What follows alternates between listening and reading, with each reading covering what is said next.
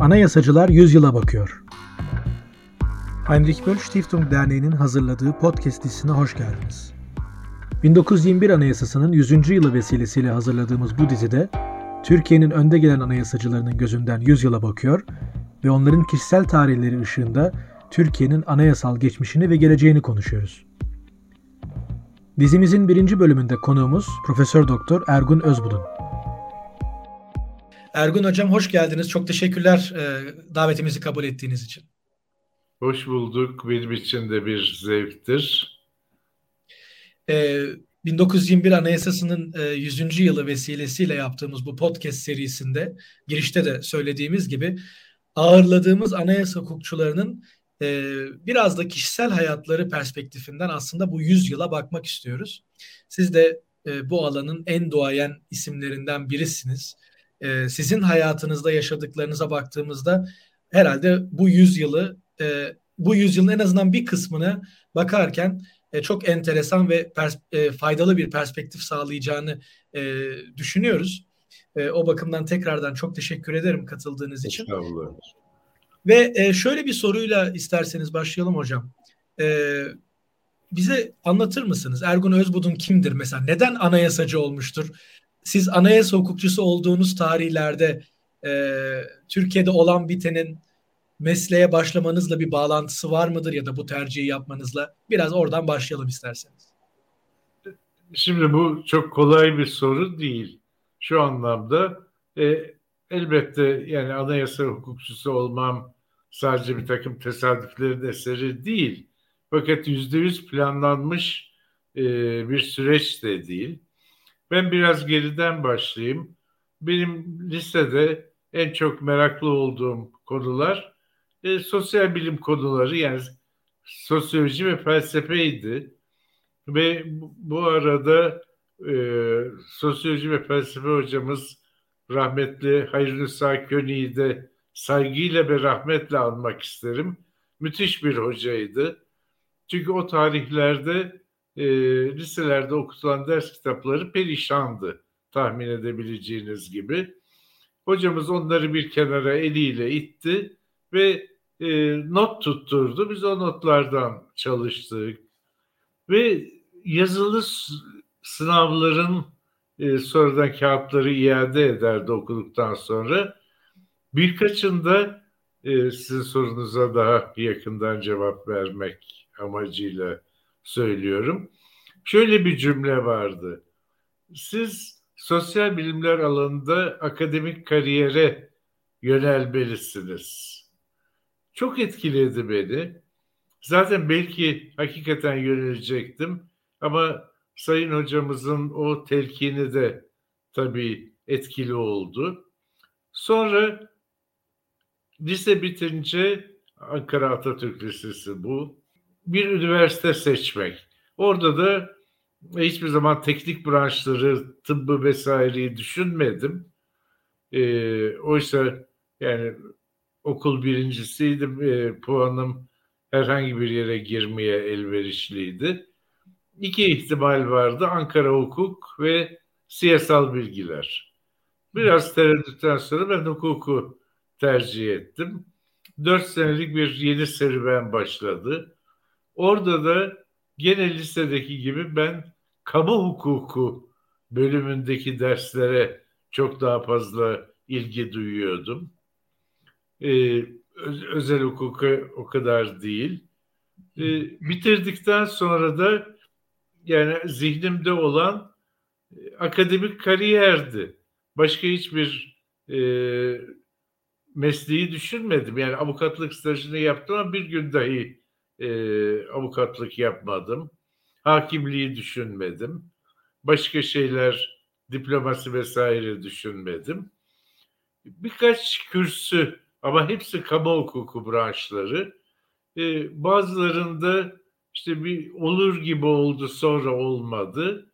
E, sonunda iki ihtimal kalmıştı. Anayasa ve devletler. E, iki güçlü ihtimal. Anayasa Hukuku Kürsüsü Başkanımız rahmetli Profesör Bülent Nuri Esen idi. Ona gittim odasına ve bu ilgimi söyledim. Derhal çok olumlu bir cevap verdi. Kendi ifadesiyle bu iş mahlul Ergun dedi. Mahlul çözülmüş demektir. Gerçekten ondan sonra da her şey adım adım ilerledi. Ve şunu da söyleyeyim merhuma saygımı da tazeleyerek bana ilk günden itibaren eşiti gibi davrandı. Ki o zaman bazı hocalar asistanlarda çantalarda taşıtırdı. Ee, öyle bir ortamdı. Ee, fakat Bülent Bey hakikaten e, ilk günden itibaren bir eşit meslektaşı gibi davrandı. O koşullar içinde yetiştim. Ondan sonrası aşağı yukarı malum. Yani anayasacılığım e, tamamen tesadüfi değil. E, yani daha geniş bir ilgimin bir parçası ve o e, tercihi yaptığımdan da her zaman çok memnun oldum. Bugün o günlere tekrar dönmek gerekse gene bir anayasa hukukçusu olurum zannediyorum. Evet bu herhalde e, gerçekten önemli bir şans insanın hayatında. Yani bu kadar yıl sonra e, bu kararından pişman olmamak ve yaptıklarından e, aslında memnun olmak çok önemli bir e, e, doğru özellik diye düşünüyorum. E, hocam buradan biraz devam edelim. E, zaten hay hay. birazdan gerek 1921 Anayasası'nın önemine gerek e, 1921'den itibaren bu 100 yıla biraz bakmaya çalışacağız. E, siz özellikle liseyi bitirdiğinizde e, Türkiye'de nasıl bir ortam var? Yani Türkiye'de olan bitenleri düşündüğünüzde e, özellikle bir anayasa hukukçusu olarak ki dinleyicilerimiz bence bunu çoğunlukla biliyordur ama bilmeyenler için ben hatırlatmış olayım. Siz aynı zamanda bir siyaset bilimcisiniz ve bu iki disiplinin de aslında e, birçok bu iki disiplini kullanarak interdisipliner çalışmaya da imza attınız. Evet. Bu perspektiften baktığınızda e, siz liseyi bitirdiğinizde, üniversitede, fakültede okurken, hukuk fakültesinde Ankara'da ülkede olup bitenler size ne düşündürüyordu? Bu akademik kariyeri yapma ve bununla ilgili karar alma aşamasında bir etkisi olmuş muydu yoksa bunlardan bağımsız mıydı? Onu merak ediyorum. Onlardan bağımsızdı ama e, ben hukuk fakültesinde okurken e, memleketin durumu, siyasi durumu hiç iç açıcı değildi. Demokrat Parti iktidarı e, her gün biraz daha otoriterleşiyordu e, ve de, demokratik sistemin ana ilkelerine uyup uymayacağı konusunda da pek çoğumuzun zihninde kuşkular mevcuttu. E, ben sevgili seyircilerimizle şunu da paylaşayım. Ben aşağı yukarı hukukta öğrenciyken siyasetle de ilgiliydim ve Cumhuriyet Halk Partisi Gençlik Kolları Genel Sekreteriydim. Ve gayet aktif bir gençlik kollarımız vardı. E, fakat fakülte bitip asistan olarak atandığımda partiden istifa ettim. Çünkü bir öğretim üyesinin belli bir parti disiplini altında hareket etmesini akademik kariyerin gereklerine uygun görmedim. Oysa o zaman böyle bir mecburiyet yoktu. Profesörlerimiz arasında da bir parti üyesi olan kişiler vardı. Ama ben onu seçtim ve zaten e, işte 60'ın başında ben asistan oldum e, ve birkaç ay içinde de e, bildiğiniz gibi askeri müdahale oldu. Demokrat Parti devrildi ve olağanüstü e, bir dönem başladı. Milli Birlik Komitesi dönemi. Dolayısıyla o heyecanı ben de yaşadım. Yani bu ihtilalin e, titreşimlerini hissettim. E, onunla ilgili bir sorunuz varsa onu da memnuniyetle cevaplandırayım. Şöyle yapalım isterseniz hocam. Açıkçası çok merak ediyorum ve bununla ilgili birkaç sorum olacak. Şimdi o anayasacılar 100 yıla bakıyor şeklinde e, başlığını belirlediğimiz bu podcast'in o yönüne başlayalım isterseniz ama Hayır, ona başlarken madem ki 100 yıla bakıyoruz başından başlayalım. İlk önce e, bu podcast serisini de aslında adadığımız bu 1921 anayasasına önemine aslında 100. yılında Türkiye anayasacılığında özellikle bugünden bakıldığında önemini e, isterseniz biraz konuşalım. Ondan sonra e, bu kritik noktaları bu anayasacılık tarihinde konuşurken 60'a tekrar geri dönelim sizin için de uygunsa. Hay hay son derece uygun.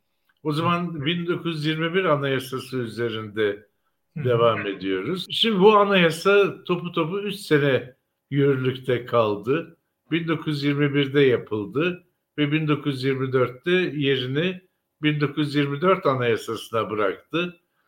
Topu topu 3 e, sene. Ama benim kanaatimce e, Türkiye'nin anayasa tarihi içinde fevkalade özel ve müstesna bir mevkii var. Çünkü pek çok açılardan son derece istisnai bir örnek, e, son derece olağan dışı bir örnek. Her şeyden evvel milli mücadeleyi yürüten bir meclis. Milli mücadele bir junta tarafından yönetilmedi. Demokratik şekilde seçilmiş bir kurucu meclis tarafından yönetildi. Birkaç özelliğine e, temas etmek istiyorum. Bir defa bir kurucu meclis niteliğindedir. E, şimdi İstanbul Meclisi Mebusanlığı İngilizler tarafından basılıp e, belli sayıda milletvekili tutuklanıp Malta'ya gönderildiğinde zaten İstanbul Meclisi Mebusanlığı fiilen bitmişti. Daha sonra Padişah Vahdettin de bir fermanıyla onu feshetti.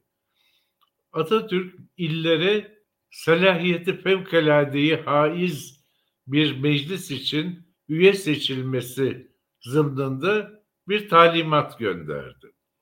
Şimdi salahiyeti fevkalade, olağanüstü yetkileri haiz demek aslında hukuk lisanında kurucu meclis demektir. Yani icabında bir anayasa yapmaya da yetkili bir meclistir. E, hatta kurucu meclis deyiminin kullanılması da önerildi. Ama İstanbul çevrelerinde yani gereksiz bir endişe uyandırır diye daha nötr bir deyim olan selahiyeti fevkaladeyi haiz bir meclis e, deyimi tercih edildi. Şimdi bu e, birinci özellik. Bilgi dünyada benzeri olmayan bir özellik. iki ayrı seçimden oluşan e, bir meclis. Bir Atatürk'ün bahsettiğim tamimi üzerine seçilen, yeni seçilen milletvekilleri, bir de kapanan İstanbul Meclisi mebusanından kaçıp gelen ve milli mücadeleye katılan milletvekilleri. Dolayısıyla iki ayrı seçimden oluşan bir meclis var ki e, bunun başka bir örneğini yabancı ülkelerde hatırlamıyorum. Üçüncü bir olağan dışılık iki ayrı anayasa yürürlükte. Şimdi biraz sonra daha ayrıntılara gireceğiz. 1921 Anayasası tam bir anayasa değil. Zamanın ihtiyaçlarını karşılamak üzere hazırlanmış. E, topu topu 23 madde ve bir madde-i münferide yani ek maddeden, yürürlük maddesinden oluşan kısa bir metin. Bunun içinde mesela yargıya ilişkin tek bir hüküm yok. Kamu hürriyetlerine ilişkin hiçbir hüküm yok. Yani dediğim gibi tam bir anayasa değil. Onun için benimsenen izah tarzı 1921 Anayasası'nın düzenlemediği konularda kanun esasinin de yürürlüğünün devam ettiğidir. Bu anlamda hani bu dönemde iki anayasanın aynı anda yürürlükte olduğunu söylüyorum. Bu da fevkalade istisnai bir durum. Gelelim içeriğine. Gerçek bir devrimci meclistir. 1921 Anayasası'na baktığımızda hakimiyet bila kaydı şart milletindir diyor. Yani egemenlik kayıtsız şartsız milletindir. Bu o dönem için fevkalade devrimci bir deyim.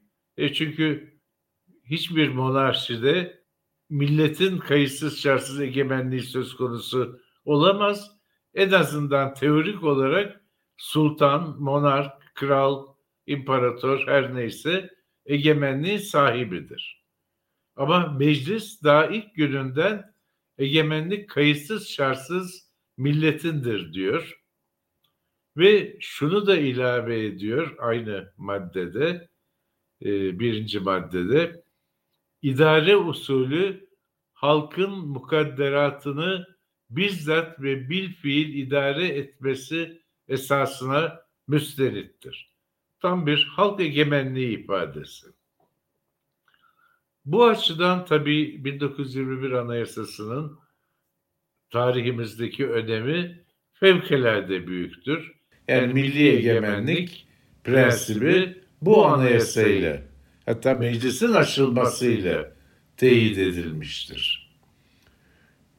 Başka bir özellik yine dünyada pek az örnekleri görülen meclis hükümeti sisteminin bir örneği olması. Yani bu sistemde yasama ve yürütme kuvvetleri mecliste birleşir. Ayrı bir yürütme yoktur. Yani meclis yasamanın olduğu kadar yürütme gücünün de sahibidir. Bu da 1921 Anayasası'nda açıkça ifade edilmiş. İcra kudreti ve teşri salahiyeti milletin yegane hakiki temsilcisi olan Türkiye Büyük Millet Meclisi'nde belirir ve topladır. Tecelli ve temerküz eder. Dediğim gibi meclis hükümeti sistemi e, dünya tarihinde de örnekleri pek az olan bir sistem. Bir meşhur örneği 1792-95 arası Fransız Konvansiyon Meclisi. Bir de bizim deneyimimiz. O kadar ki ünlü Fransız yazarı Paul Bastide e, meclis hükümet sistemi üzerinde çok güzel mukayeseli ve teorik e, bir kitap yazdı. Bu iki örneği alıyor. Dünyada başka örnek akla gelmiyor. Bu bakımdan da 1921 Anayasası fevkalade istisnai bir anayasadır. Meclis hükümetinin e, dünyadaki çok sayılı örneklerinden biri olmak itibariyle. Bir başka özelliğine değineyim. Ondan sonra isterseniz hani daha yakın zamanlara geçebiliriz. Bu kadar kısa bir anayasa yarısından fazlasını yerel yönetimlere tahsis etmiştir. 23 madde olduğunu söyledim tümünün. 13 maddesi yerel yönetimlerle ilgilidir. Ve o da fevkalade devrimci nitelikte hükümler. İllerde ve nahiyelerde yani bucaklarda halk tarafından seçilmiş meclisler ve gene seçilmiş yönetim organları, yürütme organları mevcut. Evet merkezi hükümetin valisi de mevcut ama vali ancak merkezi hükümete ait olan yetkiler konusunda müdahale yetkisi de sahip. Ee, geri kalan hususlarda gene o ilin veya nahiyenin seçilmiş amiri yürütme organı.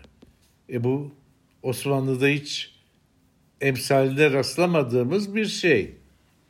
Ve gene anayasa 21 anayasası bir görev taksimi yapıyor ve hangi yetkilerin e, merkezi hükümete hangi yetkilerin illere ait olacağını da e, gayet açıkça tasrih ediyor. Pek çok önemli yetki de yerel yönetimlere bırakılmış. Bu da 21 Anayasası'nın başka bir devrimci yanı. O ana kadar olmamış bir yerel yönetim e, teşebbüsü ve şunu da ekleyeyim ki e, bu hükümler hiçbir zamanda uygulamaya konulmamıştır. Yani anayasada kağıt üzerinde kalmıştır. 1924 anayasasıyla da merkeziyetçi bir sisteme hatta katı merkeziyetçi bir sisteme dönülmüştür. Ama bu da bizim siyasi tarihimizde, anayasa tarihimizde herhalde fevkalade ilginç bir olgu olarak kalmaktadır. Yerel yönetimlere verilen önem. Evet hocam çok teşekkürler. Bu yüzyıla e, bakışa iyi bir başlangıç olmuş oldu. 1921 Anayasası bu yıl 100. yılı e, hangi açılardan özel e, birçok özelliği var aslında. Siz bunları madde madde çok derli toplu bir şekilde anlattınız. Şimdi dediğiniz gibi 100 yıla bakmaya devam edelim. Aslında burada sormayı planladığım soru hani 1921'den bu yana bu 100 yıla baktığımızda kişisel tarihiniz ve bu yüzyılın genel olarak anayasal gelişmeleri e, açısından en kritik noktalar hangileridir e, diye sormak. E, bu tabii ki cevabı siz istediğiniz şekilde verebilirsiniz ama ben bir e, izin verirseniz küçük bir hile yapıp burada e, ilk soruda bıraktığımız 60 ihtilali ve sonrasındaki süreci çok özellikle de merak ettiğim için biraz anlatmanızı isteyeceğim. Ama başka kritik noktalar da varsa bugüne e, kadar çok inişte çıkışta türbülanslı bir anayasa e, tarihinden bahsediyoruz. Onları da tabii memnuniyetle dinlemek isterim. Tabii zaten sizin de sorunuzda işaret ettiğiniz noktayla başlayacaktım. E, benim için bu e, türbülanslı anayasa tarihinin en kritik noktası 1961 anayasasıdır. E, bunu söylediğiniz zaman e, bazı çevrelerin gözünde kötü kişi oluyorsunuz. Aman askeri darbeyi mi savunuyor diye. Böyle bir şey değil. Ben 61 Anayasası'nın içeriğine bakıyorum ve şunda ısrarlıyım ki Türkiye'nin şu ana kadar gördüğü en liberal, en demokratik anayasadır. Ha bir takım kusurları yok mu? Var. Mesela bu tabii senatörlük. Ee, yani e, senatonun e, bir kısım üyelerinin Milli Birlik Komitesi üyeleri olmaları gibi. E bu tabii demokratik prensipler bakımından tasvip edilecek bir şey değil ama pek çok ülkenin anayasa tarihinde de görülmüştür. Yani özellikle askeri yönetimlerden demokrasiye geçilirken o askeri yöneticilere bir takım tavizler verilir. E, verilmek zorunda kalıdır daha doğrusu ki e, demir teslim e, şiddete başvurmadan barışçı biçimde gerçekleşsin diye. Bu itibarla e, yani evet milli birlikçilere hayat boyu tabii senatörlük tanınması elbette demokratik prensipler açısından tasvip edilecek bir şey değil. Ama 1961 Anayasası'nın geneline baktığımızda bugün de hasretini çektiğimiz birçok demokratik kurumun ve demokratik hükümlerin bu anayasada yer aldığı görülüyor. Mesela Anayasa Mahkemesi, Anayasa Yargısı bu anayasayla kurulmuştur. 61 Anayasasıyla. Yargının bağımsızlığı gene bu anayasayla tesis edilmiştir. Temel hak ve hürriyetler güvenceli bir sisteme bu anayasayla kavuşturulmuştur. Dolayısıyla artılarını ve eksilerini karşılaştırdığınızda elbette artılar benim kanaatimce hiç değilse ağır basmaktadır. E, fakat gene yani Türkiye bakımından e, üzülecek bir olay. Yani bu demokratik anayasa topu topu 19 sene yürürlükte kalabildi. Başka bir askeri müdahaleyle 1980 askeri müdahalesiyle sona erdi. Hocam 1980'e de e, geleceğiz ama bir şey daha bir bağlantılı Hı. soru müsaade ederseniz sormak Tabii. istiyorum. E, şimdi siz e, yanlışsam lütfen düzeltin. 1962 yılında doktoranızı tamamlıyorsunuz sanırım evet. Ankara Üniversitesi'nde. E, bu da demek oluyor ki bu anayasa yazılırken, anayasa yapım çalışmaları sırasında siz bir doktora öğrencisisiniz, bir doktora adayısınız. Evet. E, o güne şöyle bir geri baktığınız zaman anayasa yapım sürecini nasıl anlatırsınız, nasıl tanımlarsınız? Gerçekten hani e, ki akademik kariyerinizde de birçok anayasa yapım sürecini karşılaştırmalı olarak inceleyen biri olarak e, hangi tartışmalar mesela bugün halen zihninizde önemli geliyor size? Şahsi e, şahit olduğunuz e, enstantaneler var mı? Biraz onu da merak ediyorum. Şahsen e, tanık olduğum enstantaneler yok. O zaman dediğim gibi bir doktora öğrencisiydim. Ama anayasa yapım sürecinden bahsettiniz. Orada eksik bıraktığım bir noktaya e, değineyim. Yapım süreci bakımından da ideal bir anayasa değil. Çünkü e, nereden baksanız Debrik Demokrat Parti aşağı yukarı seçmen kütlesinin yarısını temsil eden bir parti. Yarıya yakın. En son 57 seçimlerinde yüzde 47 oy almış. Ee, onların hiçbir şekilde dahil olmadığı bir kurucu meclis. Ee, evet, iki muhalefet partisi CHP ve CKMP temsil ediliyor. Birçok kurumlar temsil ediliyor. Yargı gibi, üniversiteler gibi, sivil toplum kuruluşları, sendikalar vesaire. Ama e, samimi kanaatim şu ki seçmenin yarısını dışlayan e, bir kurucu mecliste gerçek anlamda demokratik bir kurucu meclis sayılamaz. Ama buna rağmen demin de dediğim gibi yapılan esere baktığımızda çok önemli e, bir takım hususların ilk defa olarak gerçekleştiğini görüyoruz. Nedir bunlar? Anayasa yargısı ve yargı bağımsızlığı. Bunların her ikisi de demokratik bir sistemin olmazsa olmaz e, nitelikleridir ve e, bütün kusurlarına rağmen bunları ilk defa gerçekleştiren de 1961 Anayasası olmuştur. Hocam siz 1962'de doktorayı tamamladınız ve Ankara Üniversitesi'nde e, akademisyen olarak e, akademik kariyeriniz başlamış oldu. Yok 60'ta başladı yani ben doktorayı e, yaparken zaten asistan statüsündeydim. Yani ben e, 1960'ın belki ilk gününde veya e, 59'un son gününde atanmam oldu. E, dolayısıyla e, evet e, doktorayı yaparken e, aynı zamanda asistandım. O zaman asistan denirdi, araştırma görevlisi deyimi yoktu. E, ondan sonra işte benim Amerika e, maceralarım başladı. İlk gidişim 63'te yani doktoradan bir sene sonra e, Harvard'da Research Assistant olarak araştırma görevlisi olarak e, görev yaptım. Ondan sonrasını söylemeyeyim muhtelif e, dönemlerde gene özellikle Amerika'ya e, uzunca sürelerle gittim. Ve sohbetimizin başında bir noktaya değindiniz. E, onu ben de vurgulayayım.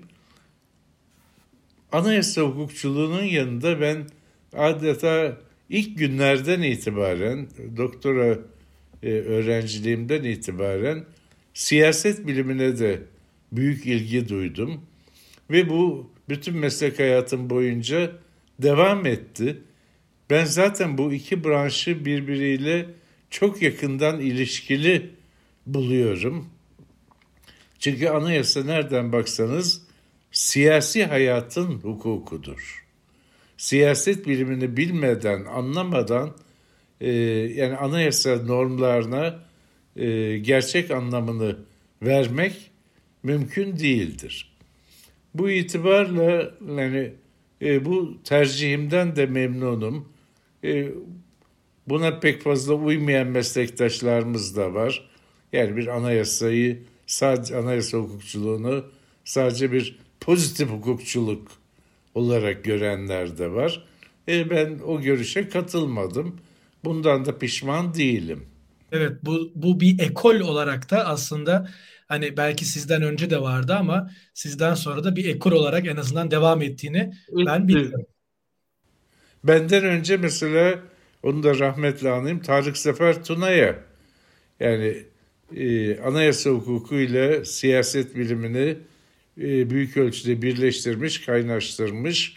Yani benden önce de bu işi düşünmüş ve yapmış olan bir büyüğümüzdü. Onu da rahmetli anıyorum. Ama genelde e, o dönemde pek fazla e, rağbet gören bir anlayış değildi. Yani bu iki disiplini birlikte olarak ele almak. Bir merak ettiğim bir şey daha var.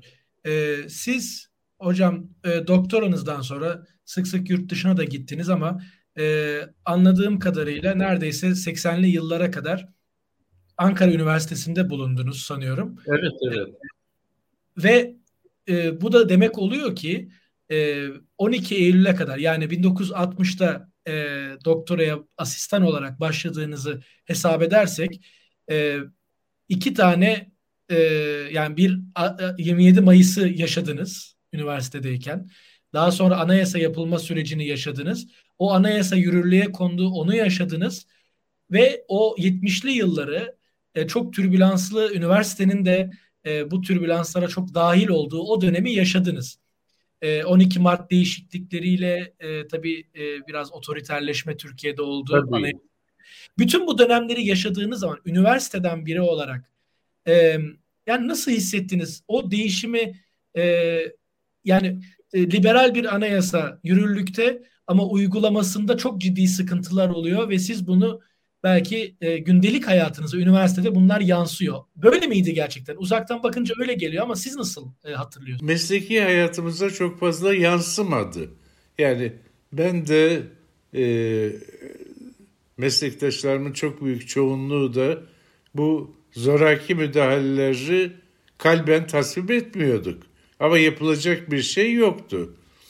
E, aynı şey e, 80 müdahalesi için de söylenebilir. E, benim Ankara Üniversitesi'nde görevim 1991'e kadar devam etti. E, ve oradan emekli oldum, Bilkent'e geçtim. Sonraki 20 senede yaklaşık olarak Bilkent'tedir. E, dolayısıyla tabii üzüntüyle karşılaştığımız durumlar 12 Mart müdahalesi de darbe teşebbüsleri de Talat Aydemir'in e, ama bunlar bastırıldı. E, 80 askeri müdahalesi de e, elbette memnuniyetle karşılanacak bir olay değildi. Ama gidişat çok kötüydü. Günde 20 civarında e, gencimiz ölüyordu. E, yani onun için birçok vatandaşımız da anne baba da e, askeri müdahaleyi e, memnuniyetle karşıladı. Hiç değilse çocuklarımız ölmesin diye. Ve nitekim bu şiddet hareketleri ertesi gün şıp diye durdu. Ve bunun da tabii değişik yorumları var ama onlara girmeyelim. Sonra 80 Anayasası'nı yapım süreci başladı. Ben bunun iki senesinde yine Amerika'daydım, yurt dışındaydım ve misafir profesördüm Columbia ve Princeton'da. Onun için hani çok yakından izlemedim ama e, 61 Anayasası'nın yapımından da daha otoriter ve demokratik bir zihniyetle yapıldı. Çünkü son sözü söyleyen o beş generalden oluşan Milli Güvenlik Konseyi'ydi. E, kurulan danışma meclisi, sivil kanat e, adı üstünde fonksiyonu danışmadan ibaret olan e, ve son sözü asla söyleyemeyen e, bir garip meclisti. Ama dediğim gibi yani o sürecin önemli bir kısmında ben yurt dışındaydım. Döndüğümde işte iktidarı sivillere devreden 83 seçimleri oluyordu birkaç gün içinde. Durum bu. Peki hocam çok e, gene kritik bir noktada aslında dönmüşsünüz Türkiye'ye. Yani 83 yılında işte e, neredeyse 3 yılı e, aşkın bir sürede askeri yönetim sivillere e, devredecek ve o günden sonra artık Türkiye'de tekrardan bir e, belki demokratikleşme umudu e, evet. başlamıştı. Aslında o günlerden bugünlere kadar da e, inişli çıkışlı bir süreç olmakla beraber hep tartışılan ve anayasa üzerinden hatta bu konunun tartışıldığı bir dönem Türkiye yaşadı. Biraz oralara gelelim isterseniz. 80'lerin o 83 sonrası ve 90'larda e, siz e, o zamanlar Bilkent'tesiniz. E, nasıl gördünüz? Mesela biraz da şeyi merak ediyorum. Hep diyoruz ya anayasacıların gözünden. E, Türkiye'nin demokratikleşeceğin bileceğine olan inancınız e, nasıldı ve bunun anayasayla ilişkisini siz nasıl kuruyordunuz? Özellikle siyaset bilimine de çok meraklı ve bu e, işi de bilimsel olarak yapan biri olarak. Evet. Çünkü şöyle de bir yaklaşım var biliyorsunuz birçok hukukçuya da şöyle bir eleştiri yapılıyor. E, yani keşke anayasa maddelerini değiştirerek demokratikleşme olsa. Bu kadar basit değil. İşin çok daha derin toplumsal yönleri var şeklinde e, hukukçulara böyle eleştiriler de yapılıyor. Sizin bakışınız nasıldı o günleri de hatırlayarak? Şimdi o sorunuz gayet haklı. Mesela sadece e, bir takım metinlerin, e, kelimelerin e, sonucu değil. Ama e, o yıllarda, o 10 yıllarda Türkiye'de e, kayda değer bir demokratikleşme arzusu vardı. Ve şunu da ifade edeyim ki e, 82 Anayasası e, pek çok insanın muhalefet ettiği bir anayasa. Ama diyeceksiniz ki referandumda yüzde 91 oyla kabul edildi. Evet o da doğru. Ama referandum demokratik kriterlere uygun bir referandum değildi.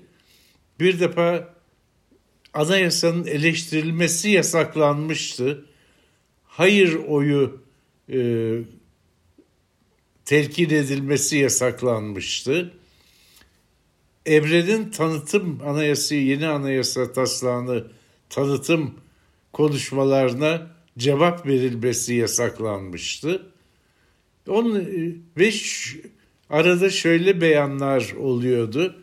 Yani konsey üyeleri e, şu soruya muhatap olduklarında Peki hayır çıkarsa ne yapacaksınız? E, ve cevap şuydu. E,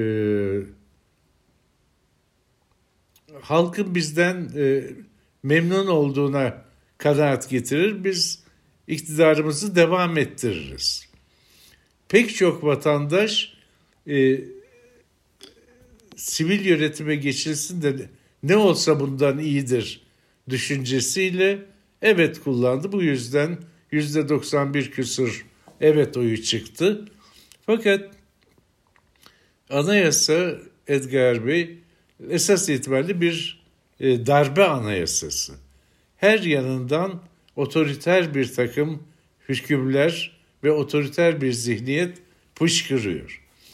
Dolayısıyla daha ilk yıllardan itibaren bu anayasayı daha demokratik yönde değiştirme yolunda çeşitli gayretler sarf edildi ve en son e, 2017 değişikliği dahil 20 defa bu anayasa değişti. Son değişiklik hariç, o da isterseniz ayrıca e, finalde konuşalım. E, diğer değişikliklerin hemen hepsi daha demokratik, daha liberal yönde yapılan değişikliklerdi. Ama e, anayasanın otoriter ruhu da tamamıyla tasfiye olamadı. E, bu yeni anayasa teşebbüslerine çeşitli siyasi partiler katıldı, anayasa taslakları hazırladılar. Çeşitli sivil toplum kuruluşları E, ben bu çalışmaların bir kısmında sivil toplum kuruluşlarının e, çalışmalarında bulundum arkadaşlarımla birlikte. Dolayısıyla bir demokratikleşme arzusu vardı. E, ve bu 2012-2013'e kadar falan devam etti. Ondan sonra işte tekrar geriye gidiş, otoriterizme gidiş başladı. E, onun zirve noktası da 2017 anayasa değişikliğidir. Bununla o demokratik kazanımların hemen hepsi bir yana atılarak çok daha otoriter bir tek parti, tek adam yönetimi yaratılmıştır. Ee, şimdi de onunla uğraşıyoruz. Onun demokratik yönde e, değiştirilmesi için çeşitli çabalar ve hazırlıklar mevcut. Son olarak oraya geleceğiz sizin de işaret ettiğiniz gibi. Bir konuyu daha merak ediyorum. Ee, sizin e, bu konuda kamuoyuna yaptığınız çok açıklama var. O zamanlar e, yaptığınız açıklamalar da var ama yine en tartışılan noktalardan biri olarak burada ele almasak herhalde olmaz. E, bahsettiğim değişikliklerden özellikle 2010 değişiklikleri e, halen de kamuoyunda en çok tartışılan e, olaylardan bir tanesi ve bugün sizin işaret ettiğiniz otoriterliğin e, bazıları tarafından başlangıcı olarak da e, görülüyor. Belki tarihsel olarak, belki e, o değişikliğin içeriği açısından tabii kişiye göre bunlar değişir. E, bugünden baktığınız zaman o döneme e, yani sadece paket içeriği olarak değil de e, o anayasa değişikliğinin işte mecliste olsun referandumla tabii e, geçtiği için meydanlarda e, çok tartışıldı ve belli kutuplaşmaları da aslında sebep oldu. E, nasıl hatırlıyorsunuz o dönemi ve e, nasıl değerlendiriyorsunuz onu da sormak isterim sizin için. Şimdi bu soruya teşekkür ederim. E, evet bahsettiğiniz görüş e, birçok gözlemcinin, e, düşünürün, akademisyenin görüşü. Yani otoriter gidişin 2010 anayasa değişikliğiyle başladığı yolunda. Ben bu görüşe katılmıyorum. E, 2010 değişikliği önemli bir takım demokratik değişimleri de getirdi. Her şeyden önce Anayasa Mahkemesi'ne bireysel başvuru. Bu başlı başına büyük bir reformdur. Ee, diyorlar ki aksi görüşte olanlar yargıyı hakimiyeti altına aldı. Şimdi efendim burada arkadaşlar, bu meslektaşlar e, bir şeyi ihmal ediyor. Bunda Anayasa Mahkememizin de günahı çok büyük. Meclisten geçen metinde her seçici hakim veya savcı ancak HSYK'nın Hakimler ve Savcılar Yüksek Kurulu'nun bir üyesi için oy verebilir hükmü vardı. Anayasa Mahkemesi anlaşılmaz bir nedenle bunu iptal etti. İptal edince bir takım listeler oluştu. Rakip listeler. Ve bunlar içinde bir tanesi hükümetin ve Fethullah cemaatinin ortaklaşa hazırladığı bir listeydi. Neticede onlar kazandı.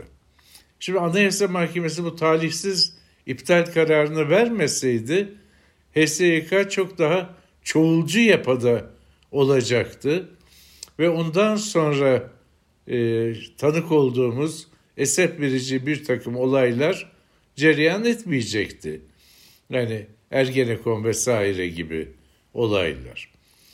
Onun dışında 2010 değişikliklerine baktığınızda dediğim gibi hükümlerin çoğu demokratik yönde değişikliklerdir.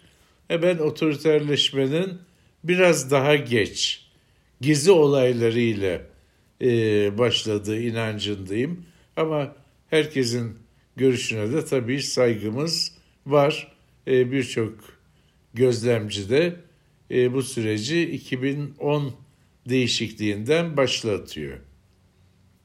Ama niye katılmadığımı da izah etmeye çalıştım. Evet çok teşekkürler.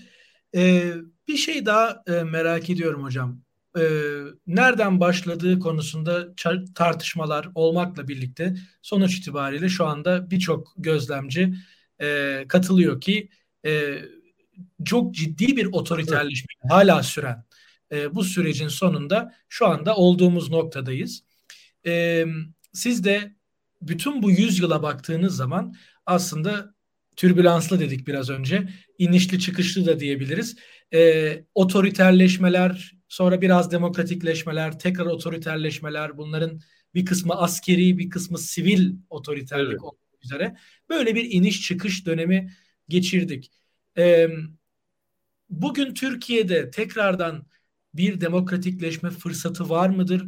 Bunun için geçmişte yapılan hangi hataların ya da e, aksiyonların yapılmaması lazım ki bu sefer daha yolunda gitsin işler ve e, o döngüye tekrar girilmesin gibi sorsam biraz belki zor bir soru ama o konudaki fikrinizi de merak ediyorum. Şimdi e, böyle bir ihtimal yani gerçek e, bir demokrasiye dönüşmek ihtimali var. E, bütün kamuoyu araştırmaları e, halkın çoğunluğunun, seçmenin çoğunluğunun bu mevcut gidişattan memnun olmadığını e, gösteriyor. Bunda bir tereddüt yok. Ve altı muhalefet partisi ki şu anda birlikte e, toplantılar yapıyorlar. E, mevcut sistemi demokratik, güçlendirilmiş bir parlamenter sistemle değiştirmek konusunda da ittifak halindeler. Bu son derece önemli bir olay. Yani bu partilerin oy yekûnu e, Cumhur İttifakı'nın oy yekûnunu, oy toplamını aşıyor.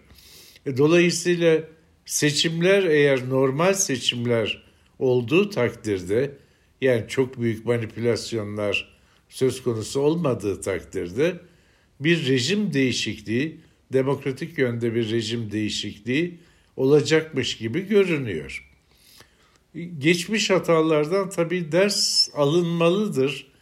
Onun için mühim olan bence bu partilerin ilkelerde birleşmesidir. Hatta buna e, muhtemelen HDP de ilkelerde birleştirme biçiminde dahil olacaktır ve olmalıdır. E, o zaman yüzde altmışı aşkın bir seçmen çoğunluğu var önümüzde. Bunlar Türkiye'ye demokratik bir rejimi ama gerçek anlamda demokratik bir rejimi getirmekte kararlı. Dolayısıyla belki son e, nota olarak şunu söyleyebiliriz. E, ben ümitliyim.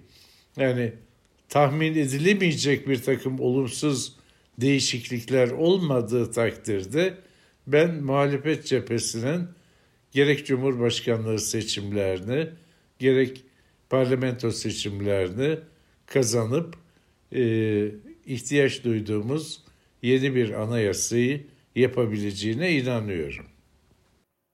Evet, e, çok teşekkürler hocam. Son bir e, şey sormak istiyorum. Biraz kişisel başladık, kişisel bitirelim. Hay hay. Şeklinde. E, siz aslında kısmen cevap verdiniz. E, ben hiçbir zaman anayasacı olduğuma ya da bu kariyeri yaptığıma pişman değilim. Hatta o gün bir daha olsa bir daha yaparım şeklinde.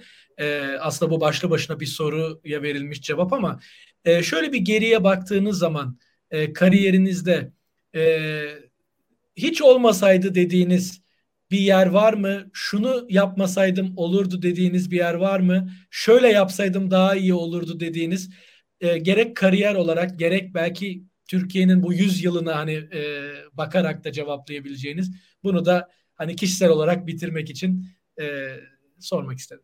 Samimiyetle söyleyeyim keşke yapmasaydım dediğim e, büyük bir hata hatam olduğuna kani değilim. E, mesela bazıları bu 2007 anayasa çalışmalarına niye katıldın, niye o komisyona başkanlık ettin diyebilir diyenler de var. Ama onu ben de beş arkadaşım da yani o zaman Sayın Erdoğan'ın önerisi üzerine bu işe girdiğimizde AKP bugünkü AKP değildi. Demokratik yönde reformlar yapmaya kararlı bir partiydi. Öyle başkanlık sistemi falan sevdalısı da değildi. Zaten bu teklif bana yapıldığı zaman ben şu cevabı verdim. Ben bütün meslek hayatım boyunca Türkiye'de başkanlık sistemine karşı çıktım. Eğer o tarz bir taslak istiyorsanız lütfen beni mazur görün. Onun üzerine e, toplantımızda bulunan Sayın Cemil Çiçek, Adalet Bakanı'ydı o sırada. Henüz kamuya açıklanmamış olan AKP seçim beyannamesini ilgili bölümlerini okudu. Aynen şöyle diyordu. Devlet organları arasındaki ilişkilerin parlamenter sistem esaslarına göre düzenlenmesi ve Cumhurbaşkanının yetkilerinin de bu esasa göre tanzimi. Yani Cumhurbaşkanının yetkilerinin azaltılması. Çünkü parlamenter sistemde devlet başkanı esas itibariyle sembolik bir şahıstır. Sembolik bir mevki sahibidir. Onun üzerine memnuniyetle ben de e, diğer arkadaşlarım da kabul ettik. Ve o taslak ortadadır. E, yani bir hukuk dergisinde basıldı bütün gerekçeleriyle birlikte. İsteyen okur. Çok demokratik bir metin olduğunu da e, bu konuda şüpheleri olan insanlar, meslektaşlar veya gözlemciler görebilir. Diyebileceğim bu. Yani bu dahi e, pişmanlık duyduğum ama niye o işe burnumu soktum dediğim bir husus değil.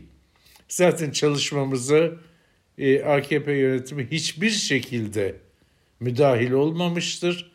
Şöyle yapın, böyle yapın, biz böyle istiyoruz gibi bir telkin asla söz konusu olmamıştır. Onu da ifade edeyim. Hocam çok çok teşekkürler. Hem ayrıntılı hem çok samimi e, cevaplarınız için. E, 100 yıla tabii ki bakmak bu kadar kısa sürede olacak bir şey değil ama e, bence dengeli bir şekilde hem kişisel hem tarihsel olaylara e, paralel bir şekilde e, baktık diye düşünüyorum. Katıldığınız için çok çok teşekkür ederim. Ben davetiniz için teşekkür ederim. Çok zevkli bir sohbet oldu. Çok teşekkür ederim. Sağ olun hocam. İyi günler, sağ olun.